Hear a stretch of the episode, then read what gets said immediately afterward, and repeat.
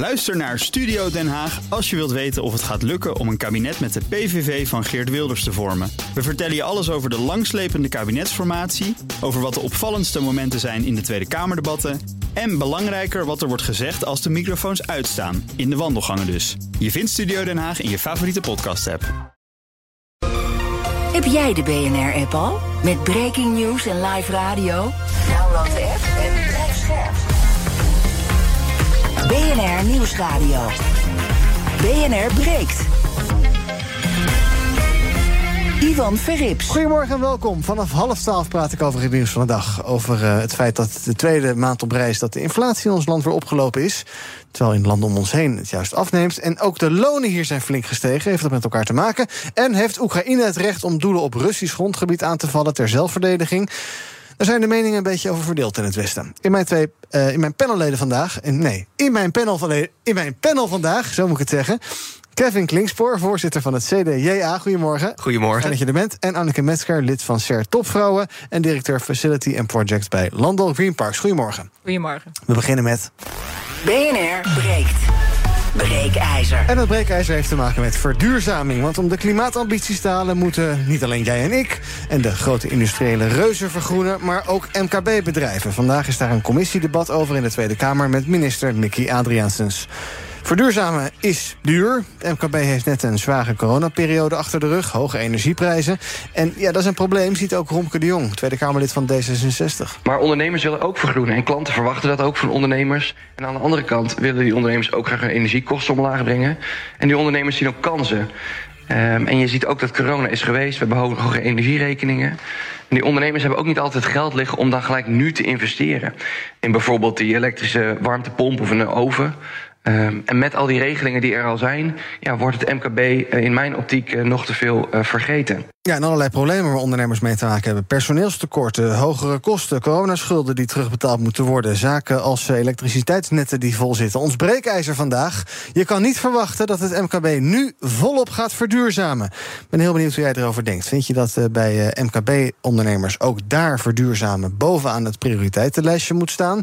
En moet het kabinet MKB beter bij de hand nemen als het gaat om verduurzaming? Of denk je, ja, kijk, een ondernemer moet gewoon lekker ondernemen. En die heeft geen tijd om daarbij ook een soort duurzaamheidsmanager te zijn. Uh, helaas, pindakaas. Ik ben ook benieuwd naar jouw eigen ervaringen, dus laat van je horen. Reactie op het breekijzer. Je kan niet verwachten dat het MKB nu volop gaat verduurzamen. En deel je eigen ervaringen. 020 468 4 keer 0 is mijn telefoonnummer.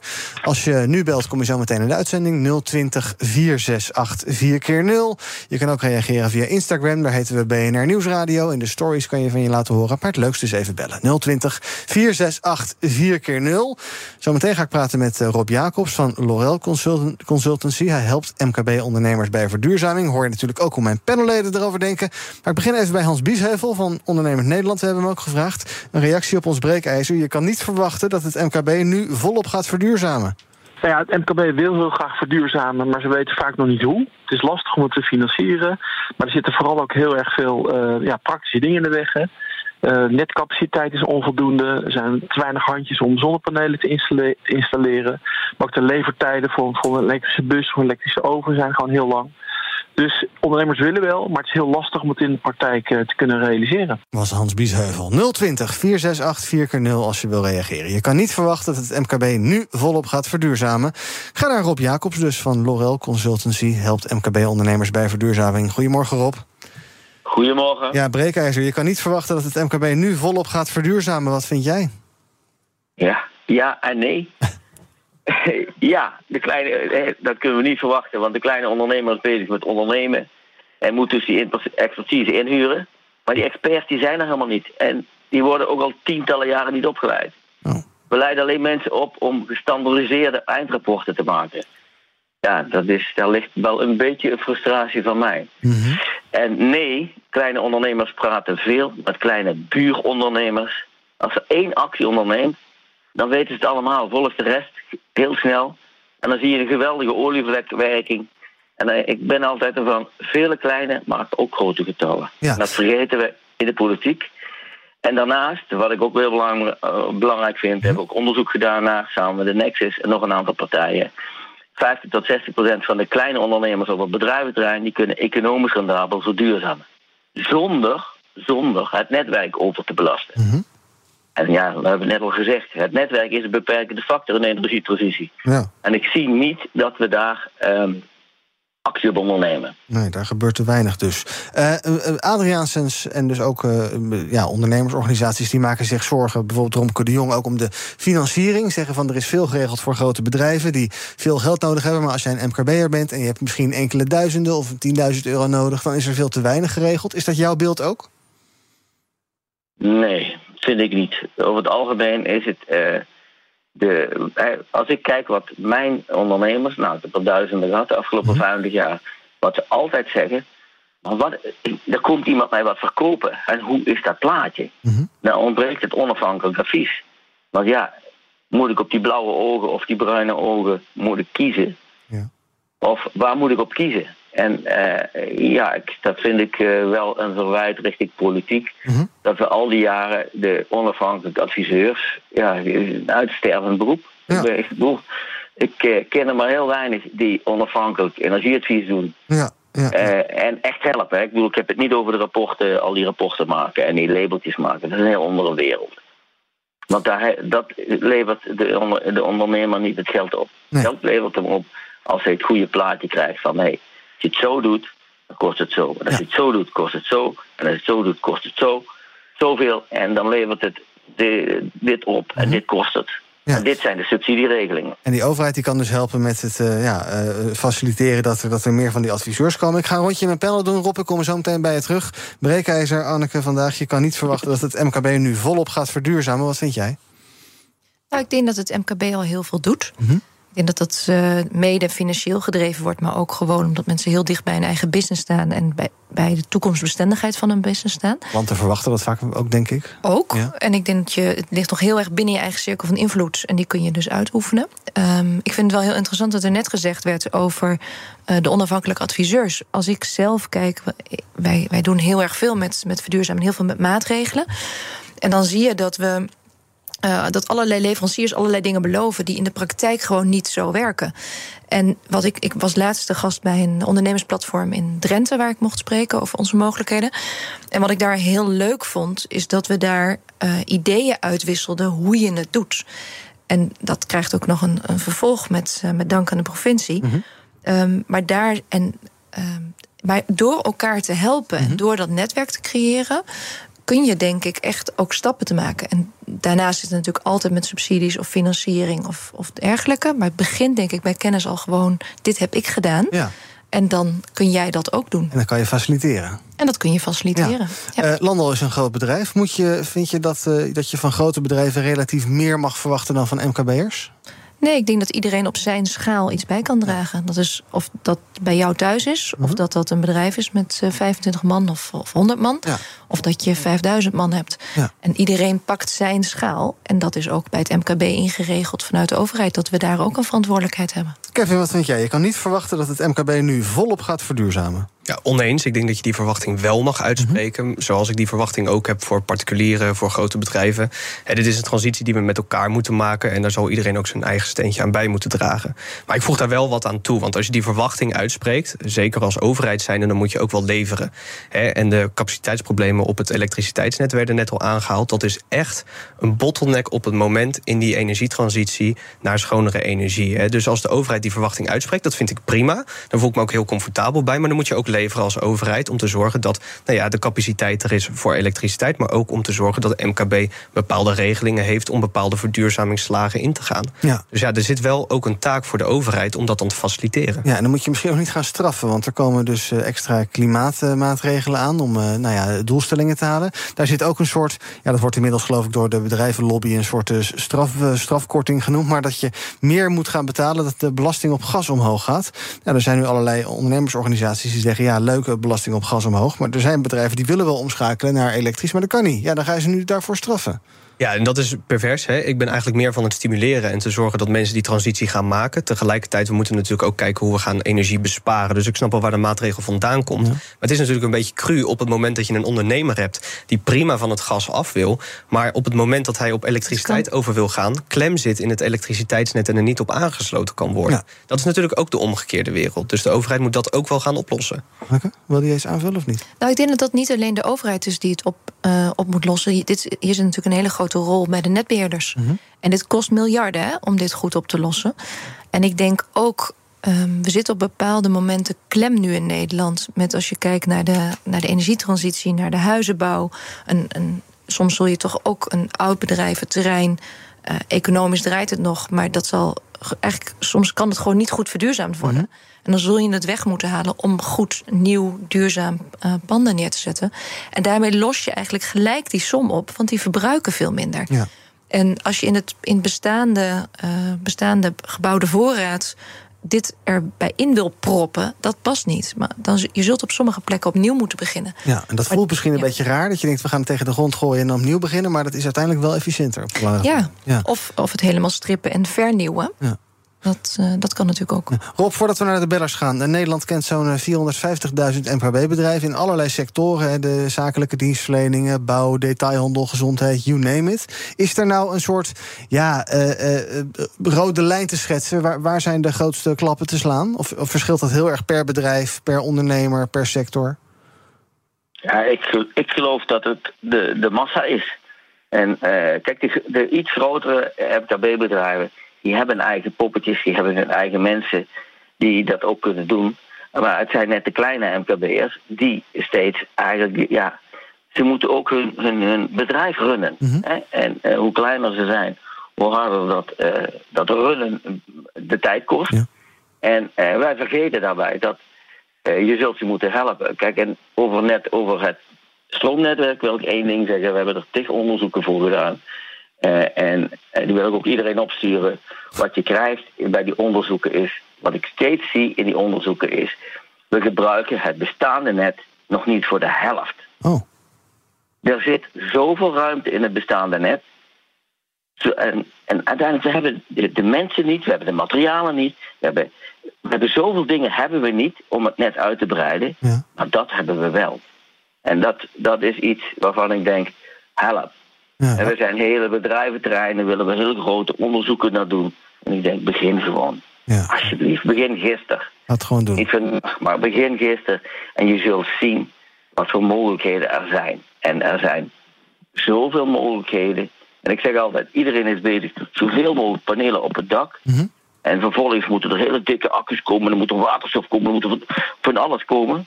En misschien is het wel handiger om te zeggen, we leggen het dak maar voor 60% vol. Ja, ik, ik zie Kevin hier een beetje wanhopig kijken, Kevin. Ja, kijk, als ik de kaartjes van netbeheer opzoek... en Ja. die kende ik ook een beetje uit mijn hoofd... dan is die kaart bijna rood gloeiend. Die is gewoon eh, vrij op te zoeken op, eh, op internet. Ja, sommige provincies Kijk, krijgen kijk, geen ik, snap, ik snap, maar het, het heeft natuurlijk ook met ons gebruik te maken. En de pieken die we hebben. En ja, je kan een net gebruiken wat voor de helft misschien... in zijn totale capaciteit gebruikt wordt. Maar ja, dat komt omdat twee derde, drie vierde... weet ik veel hoeveel procent van Nederland... tussen, tussen 12 uur s'nachts en 6 uur s ochtends helemaal niks doet. Ja, maar daar zijn misschien nog wel uh, uh, klappen te slaan in ieder geval. Ik ga even naar een paar bellers toe. Uh, Rob, kom zo bij je terug. Alain, goedemorgen. Goedemorgen. Ons breekijzer, je kan niet verwachten dat het MKB nu volop gaat verduurzamen. Wat vind jij? Uh, ja, je kan in ieder geval ergens beginnen, dacht ik. Je gewoon klein beginnen en vanuit daar uh, verder gaan. Ja, waar beginnen dan? Ja, dat is wel een goede vraag. Uh, ja, met, met de LED-lampen. Ja. Dat is te klein. Ja, nee, dat weet niet. Helpt ook. Als je, als je die nog niet hebt, dan zou ik dat zeker doen. Dat scheelt. Die heb je geloof ik binnen een paar maanden al terugverdiend ook. Dat is, maar hoe, uh, hoe ben je daar zelf mee bezig? Uh, ja, ik ben er zelf wel mee bezig. Ja. Uh, tenminste, ik, ik zit zelf ook in, in, de zonnepanelen en zo. En ik verkoop zelf ook duurzame artikelen inderdaad. Dus zelf ben ik er mee bezig inderdaad. Dankjewel voor het bellen, Anne. Fred, goedemorgen. Goedemorgen. Uh, met Fred uit, uit Den, Bosch. Ja, zeg het eens. Ja, uit Den Bosch. En Den Bosch. als ik even Eindhoven en Den Bosch met elkaar vergelijk... dan is Eindhoven uh, beter op weg om te verduurzamen. Ja. Neem bijvoorbeeld de grote Albert Heijn XXL...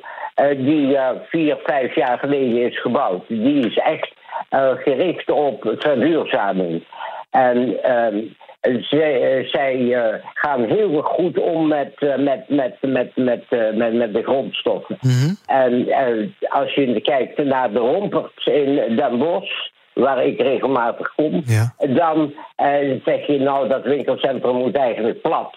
En, want, eh, en opnieuw worden opgebouwd. Want eh, zij verspillen een heleboel energie. Ja, eigenlijk ben je doorgaans best positief over Den Bosch, maar wat dit betreft dan weer niet zo dus.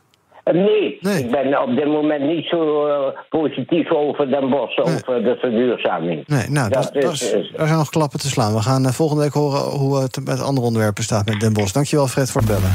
BNR breekt. Ivan Verrips.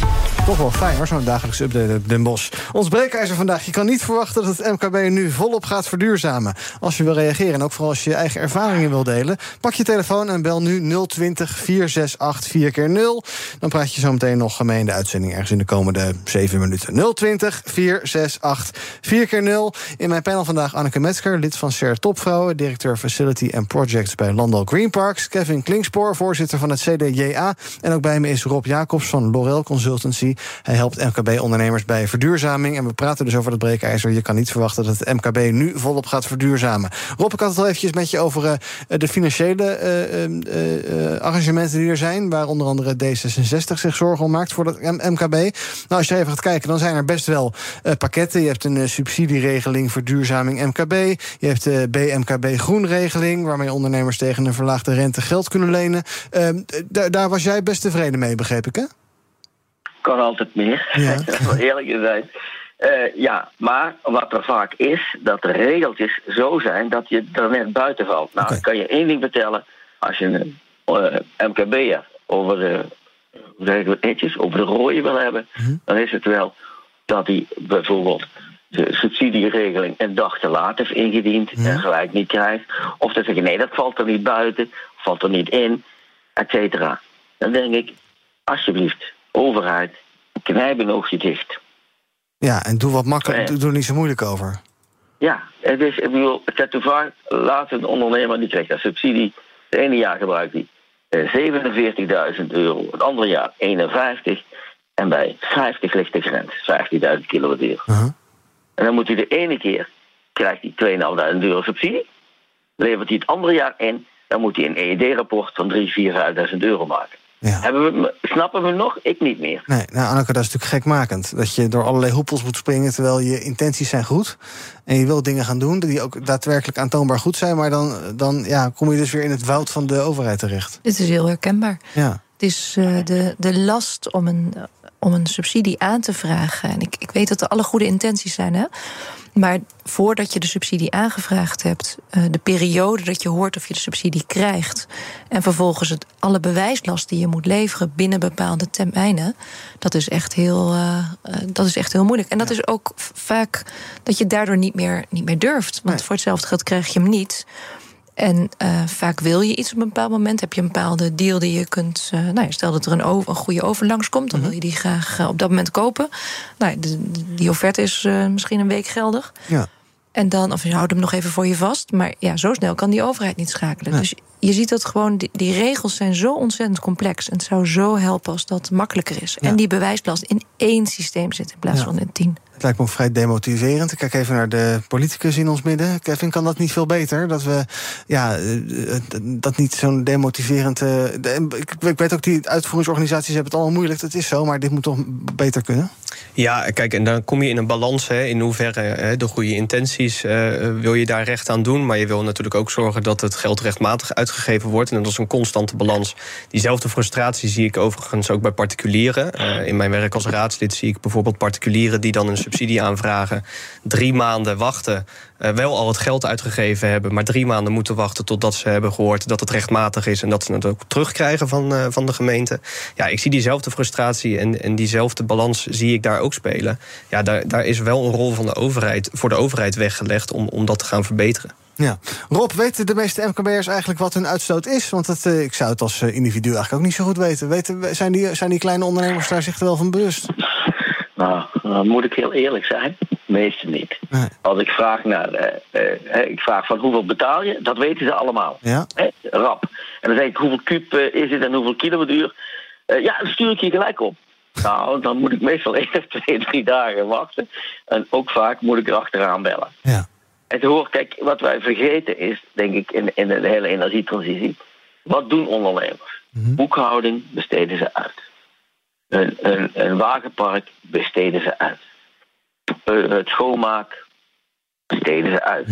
En eigenlijk willen ze duurzaamheid, verduurzamen, willen ze ook uitbesteden, want het is geen core business. Ja. En, eh, en dat is eigenlijk iets, dat is voor de meneer van de politiek, dat kwartje moet daar vallen. Ja. Als je dat eh, mogelijk maakt. Ja, en ik zeg ook altijd, we zijn overal bezig met allemaal, hoe je het allemaal noemt, maakt allemaal niet uit, allemaal regeltjes en zo. En ik denk, we hebben poppetjes nodig. Ja. Een poppetje die je bij de hand neemt en die, die je meeneemt naar de bank, daar meeneemt naar eh, een Axis, meeneemt naar... Die mensen ontbreken. Ja. Ja. En, en op het moment dat je mensen hebt, ja, op het moment dat de toekenning van de regeltjes mensenwerk wordt, wat het ook behoort te zijn, krijgen we iets. En we moeten ophouden met allemaal bedenken wat er allemaal mis is. We hebben net, ik, bedoel, ik woon in Groningen, hoor je niet, maar oké. Ik woon in Groningen, als je ziet wat daar gebeurt met de aardbevingsschade, kijk naar de toeslagen. We vergeten dat het mensenwerk is. Ja. Daar zie je En dat geldt ook voor, voor dit. Die ondernemer die wil met, met zijn papiertjes die wil die naar iemand gaan van de gemeente, provincie, maakt niet uit. En die zeggen van dit is het. En, en hoe nu verder? In plaats dat hij overal iets moet in, in een een of ander portal wat moet invoeren, of weet ik wat allemaal. En eh, luister, dat is mijn vakgebied. Hè? En ik werk 50, 60 uur per week, ben ik ermee bezig. Ja. En ik kom er af en toe niet uit. Kun je je voorstellen wat die ondernemer denkt? Ja, en jij bent een deskundige en je kan geen 450.000 bedrijven begeleiden. Dat gaat me niet worden, ook niet in 60 uur per week. Ik ga nog een paar bellers doen dit, eh, dit half uur. Anton, goedemorgen. Goedemorgen, Ivan. Zeg het maar. Eh, ik ben het wel eens met de stelling. Mhm. In die zin dat de overheid en met name de elektriciteitsbedrijven nagelaten hebben om het fenomeen van de prijsfluctuatie door de dag heen uit te nutten. Mhm. Want het is natuurlijk van de zotte dat ze nu en dan met de nieuwslezers op de radio en de televisie horen zeggen: God, we hadden vannacht weer een negatieve stroomprijs.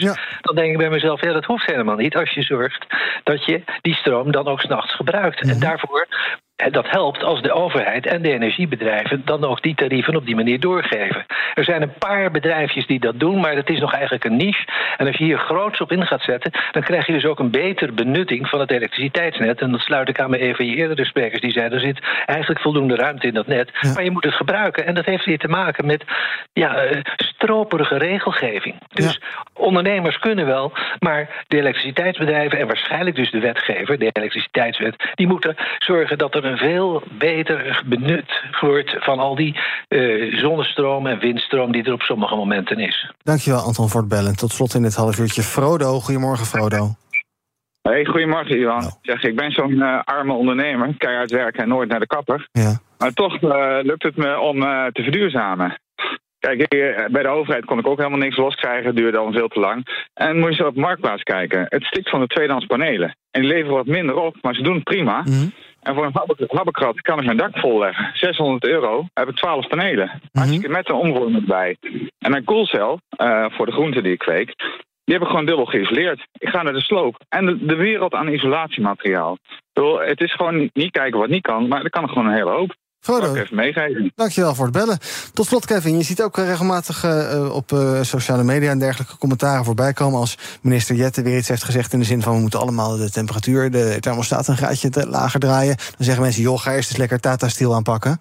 Dat kan, zou ik me ook kunnen voorstellen als je MKB'er bent. Dat je denkt van: joh, ga eerst even lekker die grote reus aanpakken. voordat wij een procentje minder moeten gaan uitstoten. Ja, hoe goed bedoeld ik die opmerkingen van minister Jette ook vind. Eh, ik snap die, eh, die, die argwaan wel. Hè. De- we gaan natuurlijk ook niet de oorlog winnen als we allemaal eh, de thermostaat een gaatje lager zetten. Dat is echt een minieme impact. Ehm, maar tegelijkertijd zeg ik ook, zoals ik aan het begin zei, ja, ik verwacht wel van alle delen van de samenleving, particulieren, MKB. Eh, maar ook grote bedrijven, eh, hun eigen bijdrage bij, dit, eh, bij deze transitie. Die zullen, die zullen we gewoon met elkaar moeten maken. En dan is er dus ook een rol voor de overheid, nou, die bijvoorbeeld sectorspecifieke afspraken kan maken. Eind vorig jaar werd met de glastuinbouw, nou, dat is dan mijn gemeente, eh, voornamelijk afspraken gemaakt over extra reductie van van, van CO2. en energiebesparing en verduurzaming in die sector. Nou ja, kijk, zo kan ik me ook voorstellen dat je binnen het MKB, er zitten natuurlijk ontzettend veel diversiteit aan bedrijven, dat je daar sectorspecifieke afspraken mee gaat maken. Ja, één praktijkvoorbeeldje nog, Anneke. Vanaf 1 juli uh, werd, maakte vanochtend het ministerie van. Oeh, dan moet ik even kijken welke het was. Nou, ik geloof INW, maar dat denk ik niet. Maakte bekend dat je uh, vanaf 1 juli extra moet gaan betalen voor wegwerpbekers en wegwerpbakjes met plastic. En dat moet apart op bonnen vermeld komen te staan. Bedrijven moeten hernieuwbare alternatieven aanbieden, hergebruiken. Ja, ik kan me voorstellen dat is allemaal goed bedoeld, maar het is ook administratief ook, ook weer een enorme last. Dus dat gaat best wel ja, in de papieren lopen, denk ik. Dus, ja, ja, ook die moet een systeem. Ja. Um, maar wat je daar wel ziet, wat ik daar. Um, hij moet er zijn, hè? Dus ja. de regeling komt en dat, uh, en dat voeren we uit. Wat ik heel lastig vind, is een Europees, uh, Europees doel. Ja. Dat wordt door de landen, wordt dat, uh, per land wordt dat vertaald. En wat ik heel lastig vind, is dat elk land het anders doet. Dus dat is als internationale organisatie heel erg lastig. En wat soms heel erg lastig is, dat het, met, uh, dat het al heel snel ingaat zonder dat je precies weet hoe het werkt. Mm -hmm. En dat is voor het bedrijfsleven, MKB en grootbedrijven, is dat ontzettend lastig om dat dan op tijd goed in te regelen. En ja. er zijn wel consequenties aan. Ja. Maar de intentie is goed en we gaan dat doen. Ja, nou, het is inderdaad INW. En vanaf 1 juli volgende maand is dat dus al zover. Dus iedereen moet ja. daar een beetje het wiel gaan uitvinden. Leuk bedoeld, maar ik vraag me af of dat allemaal gaat werken per 1 juli. We gaan het zien. Tot slot nog even kort Hans Biesheuvel. Hem vroegen we ook uh, ja, wat het kabinet nou kan doen om die ondernemers te helpen verduurzamen. Kom maar Hans. Nou, ik denk op twee manieren. Eén, zorgen dat uh, MKB's gewoon uh, advies en steun krijgen bij hoe doe ik het nou precies, dat, dat verduurzamen. Want het lijkt allemaal heel gemakkelijk, maar ondernemers zoeken echt advies van hoe kan ik nou op een slimme manier verduurzamen. En twee, uh, ja, die financiering is ontzettend belangrijk. Uh, banken zijn terughoudend om het MKB überhaupt te financieren. En als het gaat om die verduurzaming is het heel erg ingewikkeld. En dat was dus Hans Biesheuvel van ONL. Ik dank Rob Jacobs van Lorel Consultancy. Dank dat je erbij was. En op onze Instagram-pagina 67% het eens met de stelling... je kan niet verwachten dat het MKB nu volop gaat verduurzamen.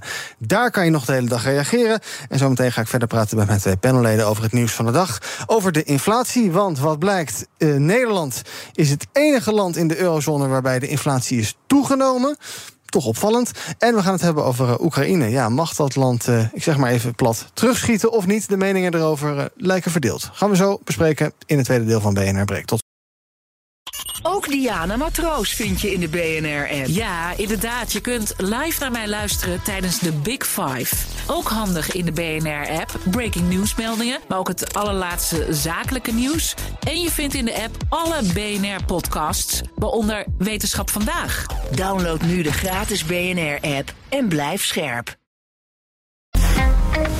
Blijf scherp. BNR Nieuwsradio. BNR breekt. Ivan Verrips. Welkom terug in mijn panel vandaag. Kevin Klingspoor, voorzitter van het CDJA... en Anneke Metzger, lid van SER Topvrouwen... en directeur Facility and Projects bij Landal Green Parks. En wij gaan praten over het nieuws van de dag. Te beginnen met uh, de inflatie. Want voor de tweede maand op rij is vorige maand de inflatie gestegen... naar 6,1 procent als je kijkt op uh, de Nederlandse rekenmethode... en 6,8 procent als je kijkt naar de Europese rekenmethode.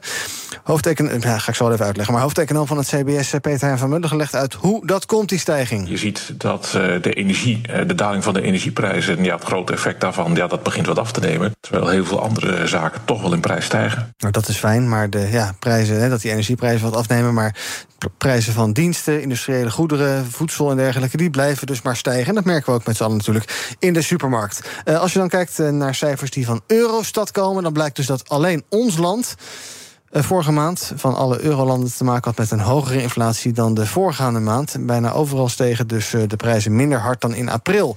Dat is toch wel opvallend. Tegelijkertijd horen we berichten van de AWVN, de Algemene Werkgeversvereniging Nederland, dat de lonen in de nieuwe cao's vorige maand ontzettend hard zijn gestegen, met gemiddeld bijna 8 procent. Terwijl we ook wel de berichten hebben gezien van Klaas Knot van de Nederlandse Bank van onlangs. Die zei, nou, 6, 7 procent is toch wel een beetje de max. Vorige maand was het dus 8.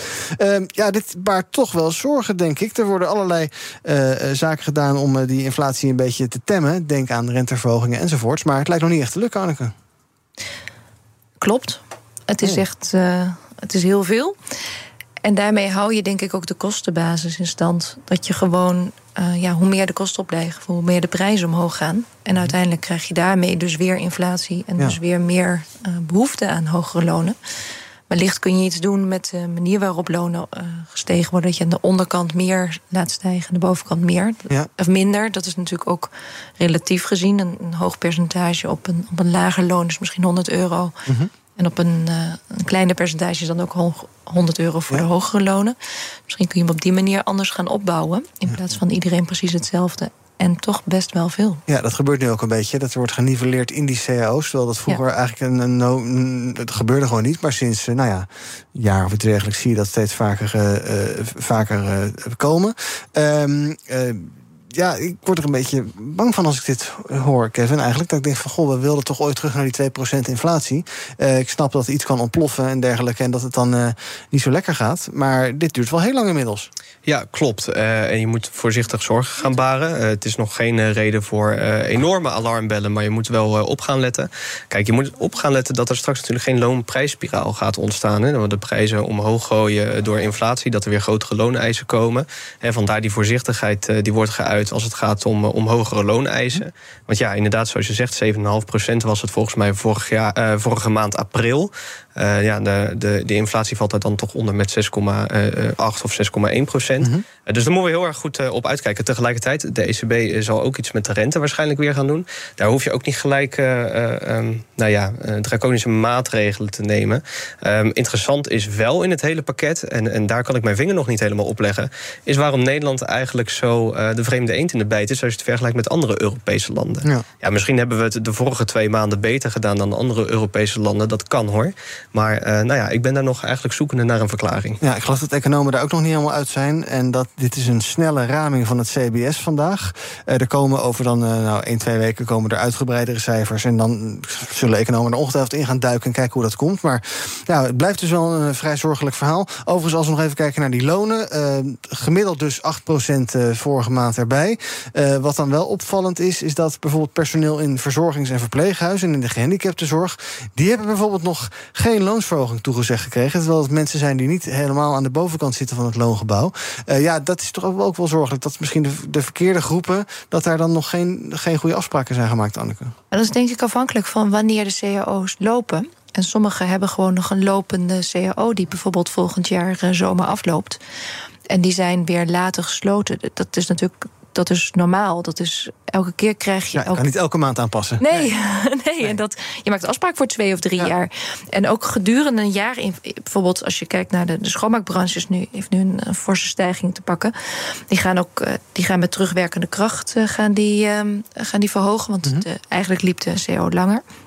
Wat je daar ziet, is dat. ehm, eh, je hebt dan die stijgingen te pakken, maar je hebt natuurlijk prijsafspraken gemaakt met je klanten. En dat maakt het natuurlijk soms heel lastig om dingen ook tussentijds te verhogen. Ja. Van, je hebt afspraken gemaakt met de verzekeraars. Dus in die zin is natuurlijk 1 januari heel, een heel logisch moment. En je hebt natuurlijk dan vaak nog in dat komende jaar. Er zijn er nu die echt wel in het, in het lopende jaar verhogen. En dat geeft denk ik heel wat, eh, wat interessante gesprekken aan, eh, aan opdrachtgever, opdrachtnemerstafels. Ja. Oké, nou, we gaan het volgen. Als die cijfers er uitgebreid zijn, dus van het CBS, die eh, in-depth cijfers, hebben we daar uiteraard ook veel aandacht voor hier op BNR. Dan naar Oekraïne. Vannacht weer aanvallen op Kiev. Drie doden daarbij. Intussen ook meldde de gouverneur van de Russische oblast Belgorod...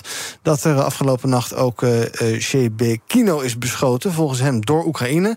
Daar zouden ook gewonden bij gevallen zijn. Gisteren was er ook al een aanval op deze stad. We hebben drone-aanvallen op Moskou gezien. Dat zijn dus inderdaad ja, eh, eh, aanvallen op eh, Russisch grondgebied. Informatie daarover moet je altijd een beetje met een korrel zout nemen. Want ja, zowel informatie uit Moskou als informatie uit Kiev... zou je misschien kunnen zien als een soort oorlogspropaganda. Maar oké, westerse landen die zijn een beetje verdeeld over de vraag... of Oekraïne Rusland mag aanvallen bij wijze van verdediging. Je hebt een paar lijnen. Je hebt de Amerikanen die zeggen... moeten we absoluut niet willen dat de Oekraïners Russisch grondgebied aanvallen. Op andere landen zie je ja, een beetje een wisselend beeld. De Britse minister van Buitenlandse Zaken, James Cleverly... liet gisteren weten dat hij daar niet per se tegen is... en dat hij dat misschien wel vindt kunnen. Dat de Oekraïners ook in Rusland... nou, wat hier en daar wat speldenprikjes uitdelen. En de Duitse overheid die blijkt er ook niet meer op tegen te zijn. Kevin, wat vind jij? Ja, laten we met dit onderwerp enige voorzichtigheid ja. trachten uh, in te nemen. Kijk, als het bijvoorbeeld gaat, u noemde die droneaanvallen op de stad Moskou. Ja, beide kanten die wijzen naar elkaar van, nou ja, ja. die heeft het gedaan. Um, en het is ook nog niet zo, uh, want Zelensky heeft altijd aangegeven... bij ons eindigt deze strijd bij de Oekraïnse grens... als het gaat om land. Uh, tegelijkertijd, en dat zie je eigenlijk een beetje in de reacties... die, die Duitsland en het Verenigd Koninkrijk geven... ja, op het moment dat je militaire doelen net over de grens kan raken... omdat een, een drone de grens overvliegt of weet ik veel wat ergens opgeslagen ligt... dan kan ik me voorstellen dat zij daar nog enige coulance voor bieden. En als ik voorzichtig de woorden van Biden lees uh, en de Verenigde Staten. En de toezeggingen van Oekraïne om in ieder geval niet Amerikaanse wapens daarvoor te gebruiken. Mm -hmm. Zeggen de Amerikanen eigenlijk een beetje een soort van: nou ja, we vinden het prima als je het maar met andere wapens doet dan de onze. Ja, en zeggen daar maar niet te veel over. Die Oekraïners zeggen daar ook niet zoveel over. Nee. Hè? Die uh, maken dan alleen maar een beetje meesmuilende opmerkingen van: ja, wij weten van niks, maar het komt ons eigenlijk best wel goed uit. Uh, wat vind jij, Anneke? Het, is, het kan wel gevaarlijk zijn. Ik denk dat we een hele nieuwe fase gaan zien in de oorlog als dit gaat gebeuren. En dat ook het risico wat we hebben weer toeneemt. Je krijgt andere respons. Het is, je, je wordt aangevallen en je verdedigt jezelf. Of je wordt de agressor. En op het moment dat je de agressor wordt, dan krijg je een andere behandeling. Dan krijg je andere rechten, vind ik. Ik denk dat Oekraïne daar ook niet op uit is. Ik, kan me voorstellen dat het heel verleidelijk is om soms even te denken: nou, ik geef je wel een trap terug en uh, uh, je zult het voelen. Um, en de vraag is ook van wie zit er nog meer in dit spel? Is het werkelijk Oekraïne? Ja. Is het Rusland zelf die propaganda bedrijft?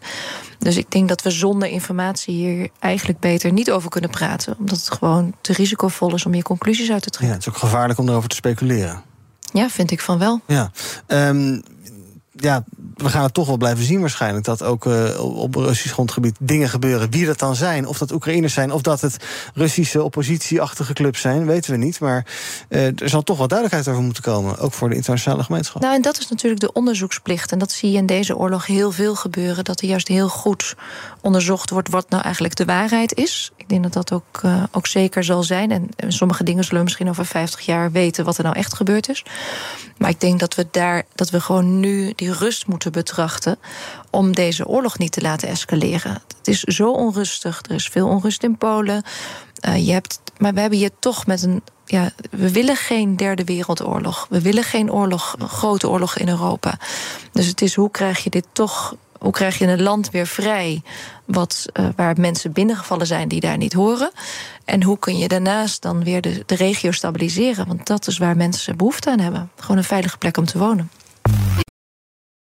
Ook Hugo Reitsma vind je in de BNR-app. Superhandig die BNR-app. Je kunt alle programma's live luisteren, breaking nieuwsmeldingen. Je blijft op de hoogte van het laatste zakelijke nieuws. En je vindt er alle BNR-podcasts, waaronder natuurlijk de belangrijkste, Boeken zijn in de wijk.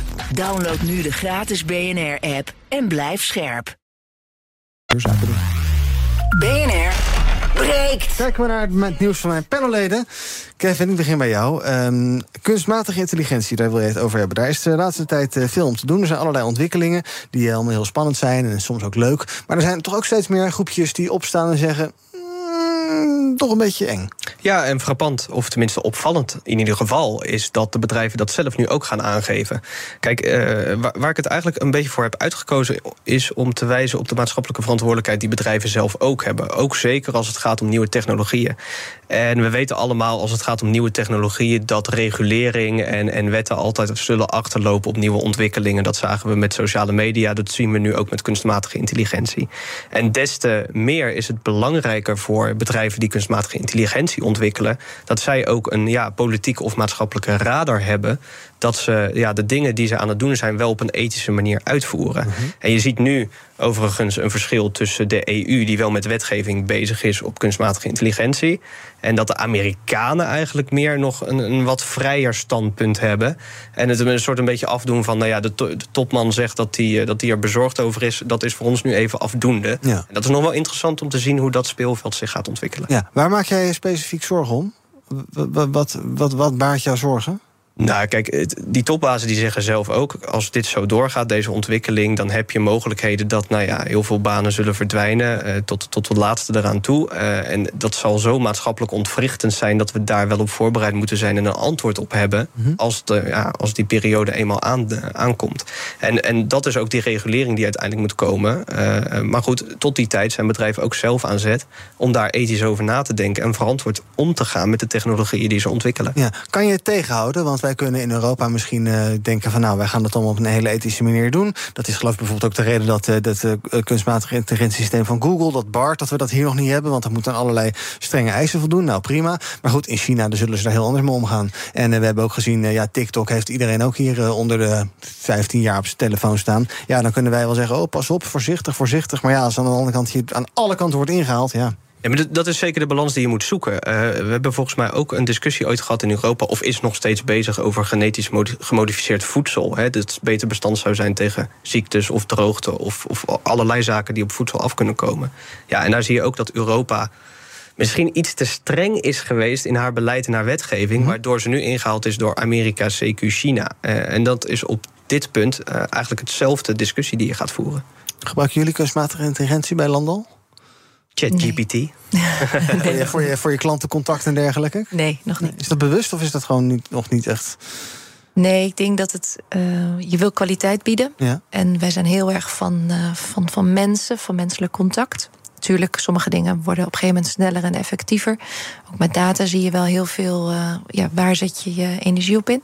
Maar ja, nee, dat, eh, dat nog niet. Nee. Wel bereikbaar zijn Ja. eh, via WhatsApp en dergelijke, maar niet dit soort tools. Nee, Op dit je- moment je- als je met iemand praat bij jullie is het echt een mens. Dat je hebt echte mensen. fijn om te weten. Ja, een Hoe is het bij het. CDA? Worden jouw toespraken al geschreven door eh, ChatGPT-achtige Nee, tools? ik heb ChatGPT nog niet ingezet om eh, enig stukje te schrijven. Die zijn nog steeds van eigen hand. Heel goed. Anneke, jij wil het hebben over eh, economische daklozen. Ehm, wat, eh, wie, wie en wat zijn dat?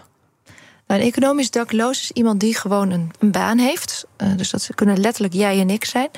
Ehm, en bijvoorbeeld doordat ik, eh, stel dat ik in een scheiding zou terechtkomen en dat ik een plek nodig heb met mijn dochter, dat ik op dat moment niet meer een huis kan vinden. Dus ik ben zelfredzaam, ik kan gewoon mijn broek ophouden. Ik ben, eh, ben wie ik ben, maar toch lukt het ineens niet meer. Ja. En het gekke daarin is, als je terugkijkt, dan hadden we altijd de psychiatrische zorg. kwamen veel mensen in de, in de daklozen eh, zien terecht. En vanuit ehm, eh, zeg maar eigenlijk de verslavingsproblematiek, dat is echt de traditionele groep. En nu ineens heb je een groep die, die eigenlijk gewoon. Die nog wel een netwerk heeft. Dus soms ook gewoon op de bank of in, op, op, als iemand op vakantie is in een huis zit.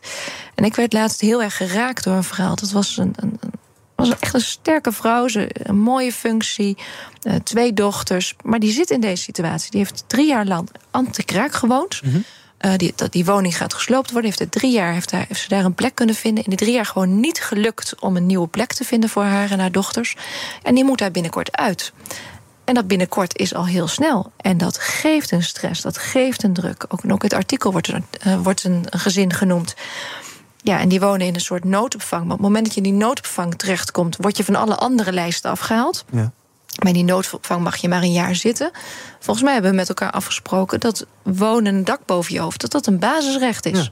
En daar zullen we echt wat aan moeten doen. Want deze groep, ik vind het echt ontzettend schrijnend. En door stress gaat het gewoon niet goed met, met, met mensen, met hun gezondheid. Kun je op je werk niet goed presteren. Deze kinderen moeten dit maar even dealen en nog even op school. Nou, eh, in het artikel werd ook genoemd dat, dat een dochter dan langer in de bibliotheek blijft zitten om een, een- nog een, een fijne plek te hebben. Ja, een warme plek. Ja. Ja, dat is toch gewoon niet oké. Nee. Gisteren was er het nieuws dat eh, bij de eh, schuldhulpverlening... dat daar steeds meer mensen aankloppen. Ook mensen met een eh, wat hoger inkomen... die, ik zeg maar even, gewoon een modaal inkomen hebben... of zelfs bovenmodaal, die dus ook in de problemen raken. Wat zegt jou dat? Blijkbaar als je een... eh, eh, zelfs als je een baan hebt eh, die met een normaal salaris... dan kan je dus... Dan kan het dus zo zijn dat je daarmee gewoon niet rond kan komen. Ja, en ik denk dat deels komt het. Ik denk dat dat twee problemen zijn. Ik denk dat het ene probleem is dat je dus inderdaad niet rond kan komen. Dat gaat denk ik ook een stuk over financiële uh, verantwoordelijkheid, financiële skills om af te schalen op het moment dat je het wat minder hebt. Dat je dan niet die nieuwe telefoon doet of vakantie. En dat hebben ze vaak ook allemaal wel gedaan. Hè? Maar hoe snel schakel je als je wat minder hebt? Hoe goed besef je wat er binnenkomt? Waar juist de lage inkomens daar over het algemeen heel goed in zijn. Zie je dat de middeninkomens daar minder goed in zijn. Dus die worden dan soms harder geraakt daardoor. Um, maar hierbij zit dus nog een andere, dat er gewoon de woningen zijn niet beschikbaar. En tuurlijk, op het moment dat je uit elkaar gaat en je hebt ineens een, een moeder met twee kinderen en een vader met twee kinderen, en allebei willen een huis met twee slaapkamers voor hun kinderen, dan, dan uh, krijg je een verdubbeling van je woonbehoeften. En dat, dat is ja, minder efficiënt dan daarvoor. Dus dat heeft consequenties. Maar het zijn voor mij dus twee verschillende thema's. Maar het, ja, het, het sneu is wel dat je ziet dat steeds meer mensen in onze samenleving het niet redden. Ja.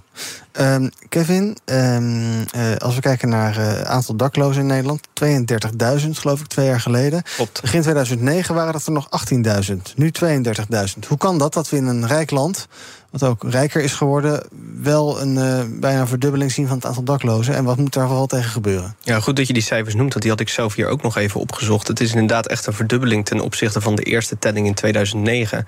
Ja, dat is echt een onderbelicht kindje in de Nederlandse politiek, uh, ben ik bang. Want als ik bijvoorbeeld ook kijk naar, naar het leger des Els, die zegt uh, bijvoorbeeld ook eind vorig jaar dat de dakloosheid onder jongeren ook flink aan het stijgen is. Klopt. En dat zijn waarschijnlijk ook gewoon mensen in de categorie die jij aanhaalt. Over ja, mensen die economisch misschien wel goed zitten, een baan hebben, maar gewoon niet aan, aan, aan een onderdak komen. Ja, dat, wat mij betreft mag dit hoger op de politieke agenda. Want dit is echt uh, dit is schijnend. Dat, uh, dat kan echt niet gebeuren in Nederland. Kijken we nog even wat er trending is op de socials. Onder andere zien we daar kroonprins Hussein. Die trouwt vandaag met de Saoedische Raiwa al-Shaif. En daarbij zijn ook aanwezig koning Willem-Alexander... koningin Maxima en kroonprinses Amalia. En die zien hoe de twee elkaar in Jordanië het jaarwoord geven. Uh, 83ste vader is trending, althans de hashtag. Want uh, Hollywoodster Al Pacino gaat dit geluid weer heel vaak horen. Ja. De Godfather wordt dus vader op zijn 83ste. En zijn vriendin is trouwens 29 en dus zwanger van de acteur van 83. En tot slot Frank Masmeijer, die is trending. Uh, die uh, vorig jaar vervroegd vrij kwam vanwege uh, zijn cocaïnesmokkel. Um, hij heeft een single uitgebracht, Ga je mee naar de zomer? En daarmee wil de oud-presentator zijn carrière nieuw leven inblazen. Klinkt zo. Ga je mee ja. naar de zomer? Nou, toch leuk. Ik zou zeggen, een lijntje erbij en helemaal fijn. Het is trouwens vandaag 1 juli, begin van de meteorologische zomer. Dat dan weer wel. Nog heel even over El Pacino. Uh, als je 83 bent en dan nog vader wordt. Ik ga niet aan uh, leeftijdshaming doen. Want je moet zelf weten hoe oud je wil zijn als je kinderen krijgt. Maar ik vind het wel een beetje zielig voor dat kind. Want dan is je vader, als je een beetje kan nadenken. Nee, weet ik veel, vier, vijf of zo. Dus je vader loopt dan tegen de 90 aan. Dat is toch wel een beetje, je, wel een beetje raar. geen rol meer. Dat is toch raar? Ja, stel dat je vader 100 wordt. Dan, dan ben je maar een heel klein deel van je leven van je kind ben je aanwezig. Ja, dat lijkt mij heel, heel schijnend. Het lijkt mij, ik vind het een beetje typisch. Ik snap dat je, kijk, dat je, ja, nou zeg er eens het over, Kevin. Nou ja, misschien kan hij zoals Emiel Ratelband zijn uh, leeftijd willen verlagen met 20 jaar in zijn paspoort. Misschien uh, ziet het er dan nog wat beter uit. Ja. Maar, laat ik er verder maar geen woorden over nee, maken. Misschien heeft hij het al gedaan, is die 103. Ja, ik bedoel het dan wel naar onder. Ja, dat, precies. Dus dat in het ja, dat, nou ja, goed, oké. Okay. Nou, uh, we wensen de familie Pacino heel veel uh, geluk met hun nieuwe kind, denk ik. Morgen, dan is er weer BNR Breekt, Politiek. Dan gepresenteerd door Connor Klerks. Tot die tijd volg je ons via de socials. Ik dank Kevin en Anneke. Fijn dat jullie er waren. Graag tot de volgende keer. En zometeen dus zaken doen met Edwin Mooibroek. Met daarin ongetwijfeld meer over de massa-ontslagen... die aangekondigd zijn bij VDL Netcar. 1800 banen verdwijnen er per 1 november. Uh, zometeen meer erover in zaken doen. Hier op BNR. Bij BNR ben je altijd als eerste op de hoogte van het laatste nieuws. Luister dagelijks live via internet. Bas van Werven. En heel langzaam komt de zon op rond dit tijdstip. Je krijgt inzicht in de dag die komt op BNR, het Binnenhof in Nederland en de rest van de wereld. De Ochtendspits. Voor de beste start van je werkdag. Blijf scherp en mis niets.